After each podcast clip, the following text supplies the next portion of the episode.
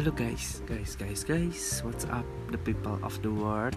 Jadi, uh, welcome back to Andre Speaks. Di episode ke-17 ini Anjay, 17 seperti umur gue Yang notabene masih cukup muda. Jadi, uh, yang pengen gue bahas kali ini adalah mengenai kenapa sih seseorang itu gunain narkoba? Jadi kenapa gue tertarik sama hal ini? Karena kan kita lihat banyak banget nih sekarang kasus-kasus yang mengenai uh, artis-artis yang menggunakan narkoba bahkan sampai masuk ke berita-berita gitu kayak langsung dua artis berturut-turut tuh si apa Nunung sama si Jeffrey Nicole.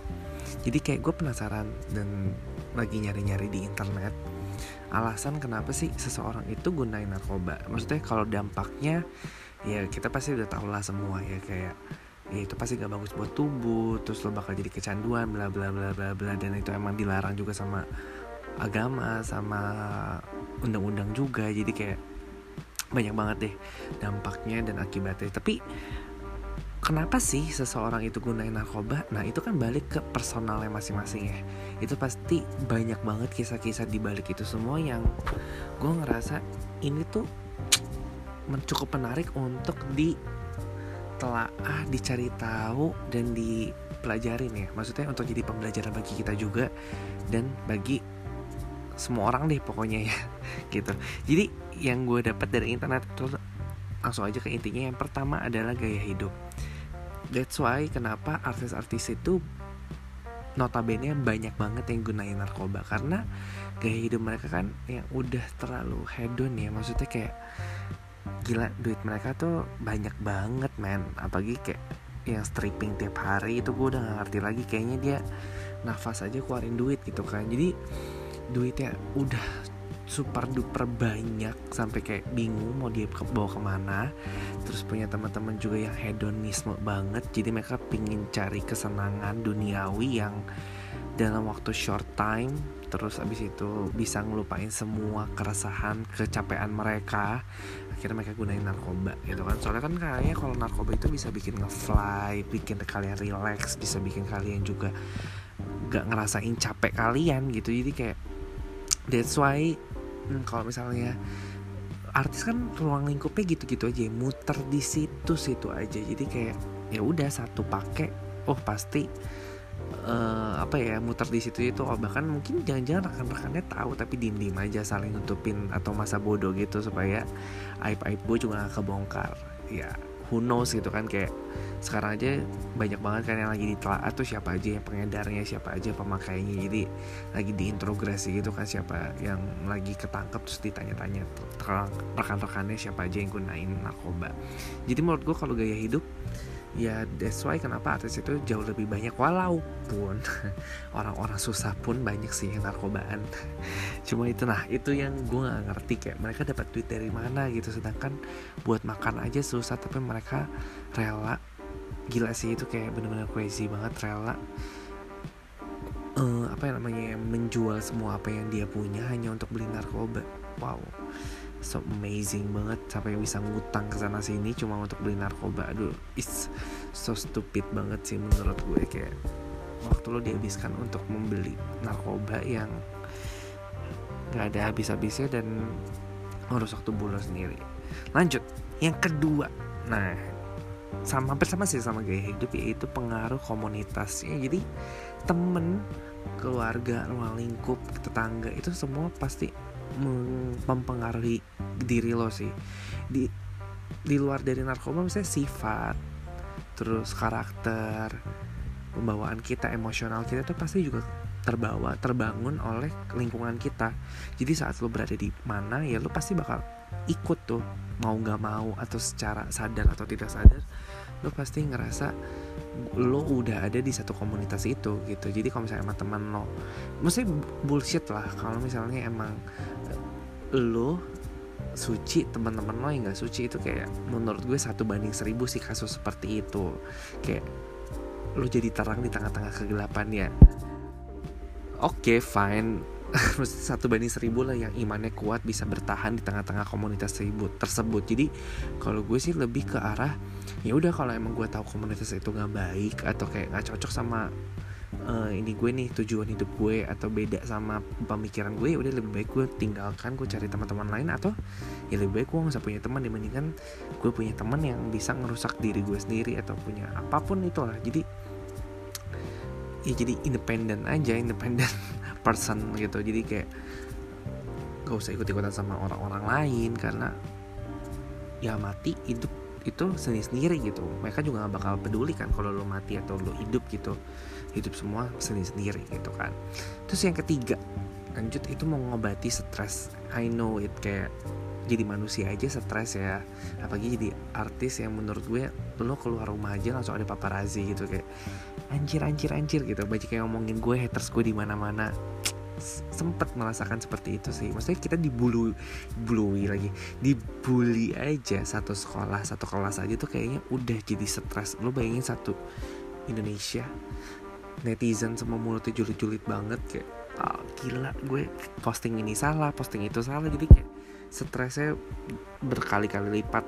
Sih gue gak kebayang. Kayak gue dulu aja bikin video YouTube yang belum terkenal terkenal banget aja hatersnya udah ada gitu. Terus kalau misalnya gue bayangin tiap hari bacain komen-komen yang jelek juga bakal stres sendiri sih. Belum ditambah kehidupan pribadi. That's why mereka pasti butuh hiburan. Kayak gue aja sebagai rakyat biasa aja pasti butuh hiburan kan. Butuh makan butuh nonton butuh mijit dan lain-lain. Cuma kan mereka pasti apa ya waktu ya. Waktu tuh pasti susah banget kan. Jadi pasti pasti cari kesenangan yang instan gitu. Jadi bukan mie instan aja yang bisa bikin senang tapi narkoba juga. Mungkin bisa bikin kesenangan bagi mereka untuk menghilangkan sejenak kesetresan mereka di pekerjaan atau di kehidupan pribadi mereka lah pasti. Walaupun orang-orang biasa juga pasti banyak masalah lah setiap orang punya masalah pasti cuma tinggal gimana caranya kita menghandle si masalah itu gitu kan. Terus yang keempat menghilangkan rasa sakit. Um, I don't know ya cuma emang setahu gue itu emang ada beberapa obat di kedokteran itu yang mengandung emang narkoba. Entah jenis apa I don't know cuma kayak mungkin kayak morfin atau apa itu tuh emang bisa mengurangi rasa sakit gitu kan. Cuma itu kan pasti harus under kontrolnya dokter gitu. Maksudnya emang lo memakai obat itu dianjurkan oleh dokter dan gak saya jidat lo atau nggak dijual sebebas mungkin kan. Maksudnya waktu itu aja gue pernah buat keluarga gue kayak beli obat yang benar-benar itu kayak buat penahan rasa sakit dan itu tuh benar-benar sampai lu mesti ada resep dokter masih ada fotokopi KTP atau ID card gitu menandakan bahwa ya emang ini lu beneran disuruh sama dokter gitu. Jangan sampai lu gunain obat ini salah gitu kan. Karena itu berbahaya banget kalau misalnya lu overdosis atau ya lu salah gunain lah itu kan berbahaya bagi kesehatan lo juga kan. Jadi orang tuh apa ya namanya kadang suka mem memanfaatkan keadaan gitu kayak ah rasanya enak nih gue jadi relax jadi tenang. Tapi ya itu bakal bikin badan lo ketagihan sama kayak misalnya uh, lo mijit. Gue ngerasa sih emang kalau dipijit itu lo bakal ngerasa ketagihan kayak aduh pingin pijit pingin pijit. Karena enak gitu di badan lo enak banget. Kayak lo tau lah ya rasanya enak. Kayak lo makan indomie. Itu enak. Jadi kayak tiap hari aja lo dikasih indomie mau gitu kan. Karena lo suka dan enak gitu kan. Terus yang kelima lambang pemberontakan ya. Mungkin ini hmm, menurut gue sih sebenarnya bukan lambang. Lambang apa ya namanya? Pemberontakan ya pemberontakan ya menurut gue dengan cara lo kabur dari rumah aja tuh udah pemberontakan atau lo ngelawan orang tua atau apa pun itu udah pemberontakan. Cuma mungkin nah itu balik lagi tadi ke komunitas lo atau gimana lo melampiaskan rasa amarah lo tuh di wrong place gitu di tempat yang salah. Kalau misalnya emang lo lagi emosi banget ya lo bisa apa kayak nyanyi-nyanyi main kedufan teriak-teriak atau at least lo ngomong kasar mungkin better dibandingkan lo apa namanya lu mukul-mukul tembok ya mukul apa kayak terserah lu. Ya jangan mukul orang ya cuma maksudnya masih bisa kok lo dengan cara lain gitu untuk menghilangkan stres lo gitu. Kalau gue sih biasanya nyanyi sekencang-kencangnya makan sepuas-puasnya mijit nonton ya simple sih as that. Jadi itu bisa sedikit mengurangi rasa pemberontakan di dalam diri lo. Terus yang keenam agar lebih pede. Jadi emang banyak banget ya kalau misalnya kita, kita ngeliat kalau misalnya orang tuh di bawah under controlnya narkoba tuh kayak mereka bener-bener kayak lost controlling aja kayak bener-bener nggak punya akal pikiran kayak agak-agak ngefly ngefly gitu. Jadi kayak mungkin mereka lebih pede. That's why uh, gue pun kalau ngomong di depan orang banyak bahkan kayak lagi ngomong sama stranger saja itu bisa gugup setengah mati gitu. Kan apa gini ngomong depan TV live yang lu salah satu titik aja tuh bakal diliatin gitu. Jadi kayak lu pasti ada rasa malu lah. Apalagi di awal-awal pengembangan karir lo ya.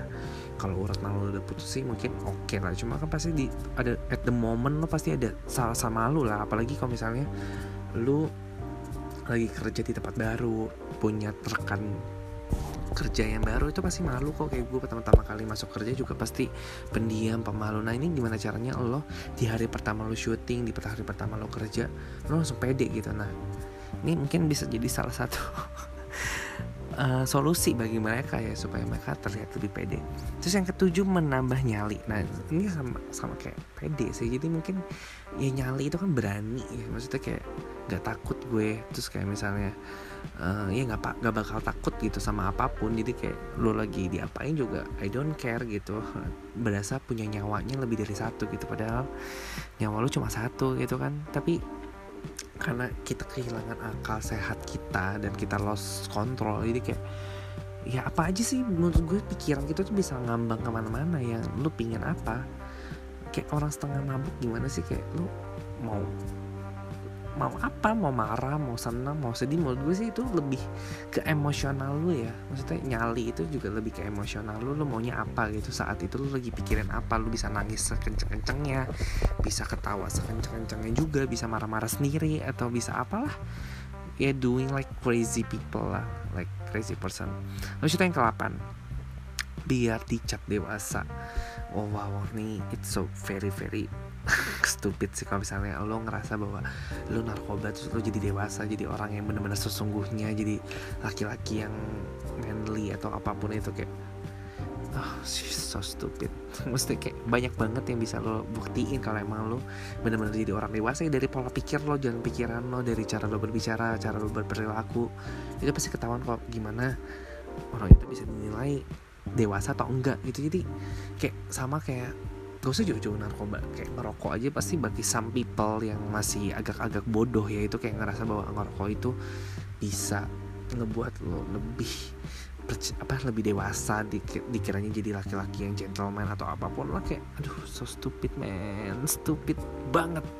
Jadi buat kalian yang bikin narkoba alasannya pakai nomor 8 ini biar dicap dewasa oh you are so stupid bener-bener stupid literally stupid habis itu 9 motif ekonomi. Nah uh, I don't know motif ekonomi itu lebih mungkin ke pengedarnya ya. Maksudnya kayak gue butuh uang nih.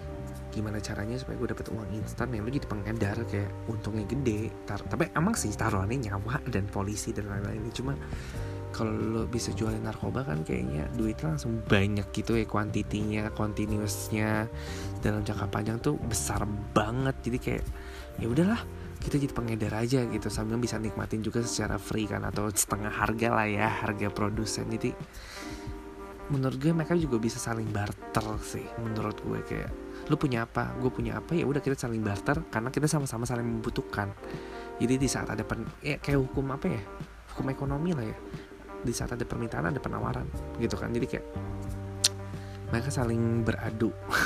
Kayak zaman barter zaman dulu lah ya. Tapi ini kan ekonomi seseorang itu ya makanya gue bilang kayak narkoba tidak mengenal yang kaya kalau yang kaya kan udah kebanyakan duit kalau yang miskin ya mungkin karena pergaulan sama ya tadi motif ekonomi kayak mereka jadi pengedar aja supaya mereka dapat duit banyak atau nembus utang-utangnya mereka dengan cara ya jadi pengedar gitu kan. Karena menurut gue banyak banget kok pihak-pihak ketiga yang menurut gue mungkin dia hanya kaki tangannya doang maksudnya ngerti gak sih? Jadi kalau misalnya pengedar itu gak mungkin langsung ya kayak kita lah sama kayak beli dari wholesaler sama dari toko kelontong ya. Mungkin yang yang baru-baru ketangkap itu hanya toko-toko kelontongnya tapi yang benar-benar pusatnya sih wholesalernya yang bawa ke Indonesia tuh belum ke grebek aja gitu. Jadi menurut gue ya kalau emang belum ketemu pusat distributornya nih ya distributornya lebih tepatnya deh nah itu nggak bakal bisa. Karena ya sama lo kayak beli di toko kelontong aja maksudnya dari distributor ke wholesaler dari wholesaler ke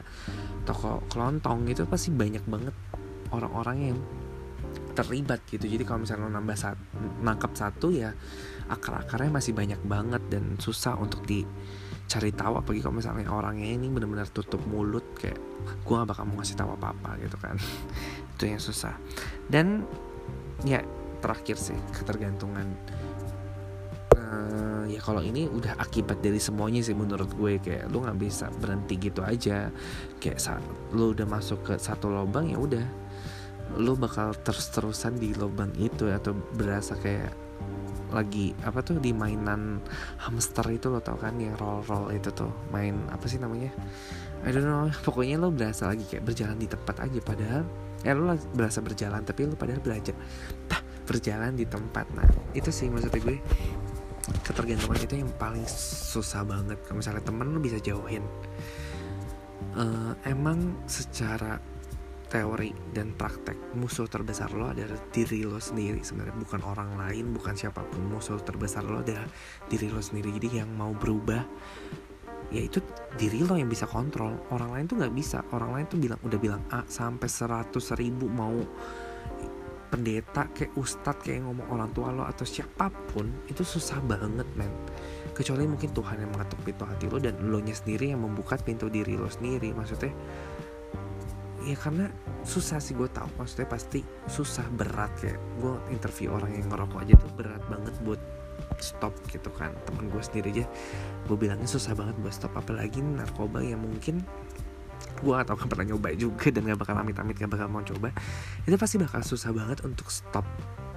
Ya kita lihat contoh-contoh kasus lah kayak si Nunung aja tuh kayak after a long time tapi dia tiba-tiba pakai lagi karena mungkin ada rasa kepuasan sendiri rasa kesenangan sendiri yang oh gue butuh ini gitu. At the moment saat lo mungkin di titik yang terburuk di hidup lo lo butuh suatu kesenangan yang singkat dan gampang dan bisa lo beli gitu. Karena kan prinsip orang kaya atau yang punya duit kan kayak apa pun bisa gue beli men. Kalau asalkan ada duit nah sama kayak narkoba. Saat lo ada duit ya, ya lo bisa beli mau karung kayak sekardus whatever lah. Tapi ya kalau bisa ya Allah kalau bisa banyak banget orang-orang yang di luar sana jangan pakai narkoba. Maksudnya karena yang paling parah itu ya kita di kecanduan lo dan apalagi kondisi kayak ke apa ekonomi lo yang menurut gue ya kalau orang kaya mungkin nggak terlalu stres ya. Tapi bagi kita yang rakyat biasa kayak untuk makan aja udah susah terus ditambah lo pakai beli narkoba tiap hari daily gitu kan kayak lo mau dapet duit dari mana? Men dan setahu gue narkoba juga jauh lebih mahal dibandingkan rokok gitu. Kayak rokok aja lo sebenarnya udah bakar duit kan apa gini narkoba. Jadi tapi uh, sebenarnya yang poin yang di sini pengen gue sampaikan adalah kita juga nggak boleh menyalahkan seseorang saat menggunakan narkoba. Maksudnya dia salah tapi kita mesti cari tahu dulu why sih lo pakai itu? Di saat lo melihat dari sisi lain gue selalu melihat suatu kasus atau suatu masalah atau seseorang itu dari sudut pandang yang lain sih. Jadi kalau misalnya A salah oke okay, dia salah. Tapi mungkin akan lebih baiknya lo tahu asal usulnya latar belakangnya kenapa. Jadi lo bisa lebih don't judgmental sih. Maksudnya jangan lebih terlalu oke gue benci banget nih sama dia karena dia pakai narkoba. Gue kecewa banget bener-bener kecewa. Ya tadi yang ngefans sih tiba-tiba jadi benci banget gitu kan tapi lo mesti tahu alasan kenapa dia menggunakan itu. Entah mungkin tuntutan pekerjaan atau apa. Nah saat lo tahu dan lo tahu beban hidupnya dia lo pasti akan sedikit luluh dan oke okay, memaklumi. Mungkin emang itu ada salahnya karena kita akan lebih jadi orang yang lego atau lebih orang yang kayak oke okay deh kita maafin atau gimana. Cuma menurut gue ya manusia kan harus saling memaafkan ya. Dan dia bukan siapa-siapa gue gitu. Maksudnya gue juga gak ada ikatan batin sama artis itu atau siapa pun itu. Maksudnya ya udah gitu jangan terlalu saling membenci judgmental lo harus cari tahu dulu nih kenapa sih. Pelajarin dulu karakternya. Pelajarin dulu kasusnya gimana. Kalau emang benar-benar kesalahan dari kebodohannya dia sendiri oke. Okay. tapi harus jadi itu pembelajaran bagi dia. Harus diterima resiko. Karena menurut gue kita bukan yang membela dia tetap harus menjalani konsekuensi dia lah. Pasti udah lah konsekuensi itu selalu berjalan pasti. Apa yang lo tabur itu yang lo tuai. Itu udah pasti. Tapi gimana caranya supaya kita terus berkembang dan nggak membuat orang tuh jauh lebih stres dengan masalah yang ada itu kan? Kasihan juga.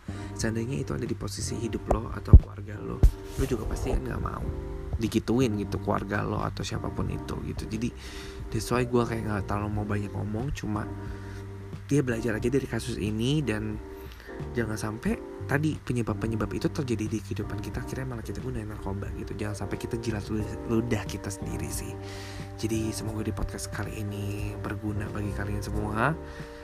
Jadi please share this pod share this podcast karena nanti podcast menurut gue yang cukup penting bagi semua umur terutama sih untuk kalangan anak-anak muda ya yang masih mau ajep-ajep gitu ya masih banyak pergaulan bebas ya jadi please be safe be control. Ya jangan stupid dalam memilih teman pergaulan gaya hidup dan ya tadi harus bisa kontrol diri sendiri. Oke okay. so demikian podcast gue kali ini. Yang cukup panjang ya berukuran ya menit ya. So see you on next podcast. Bye bye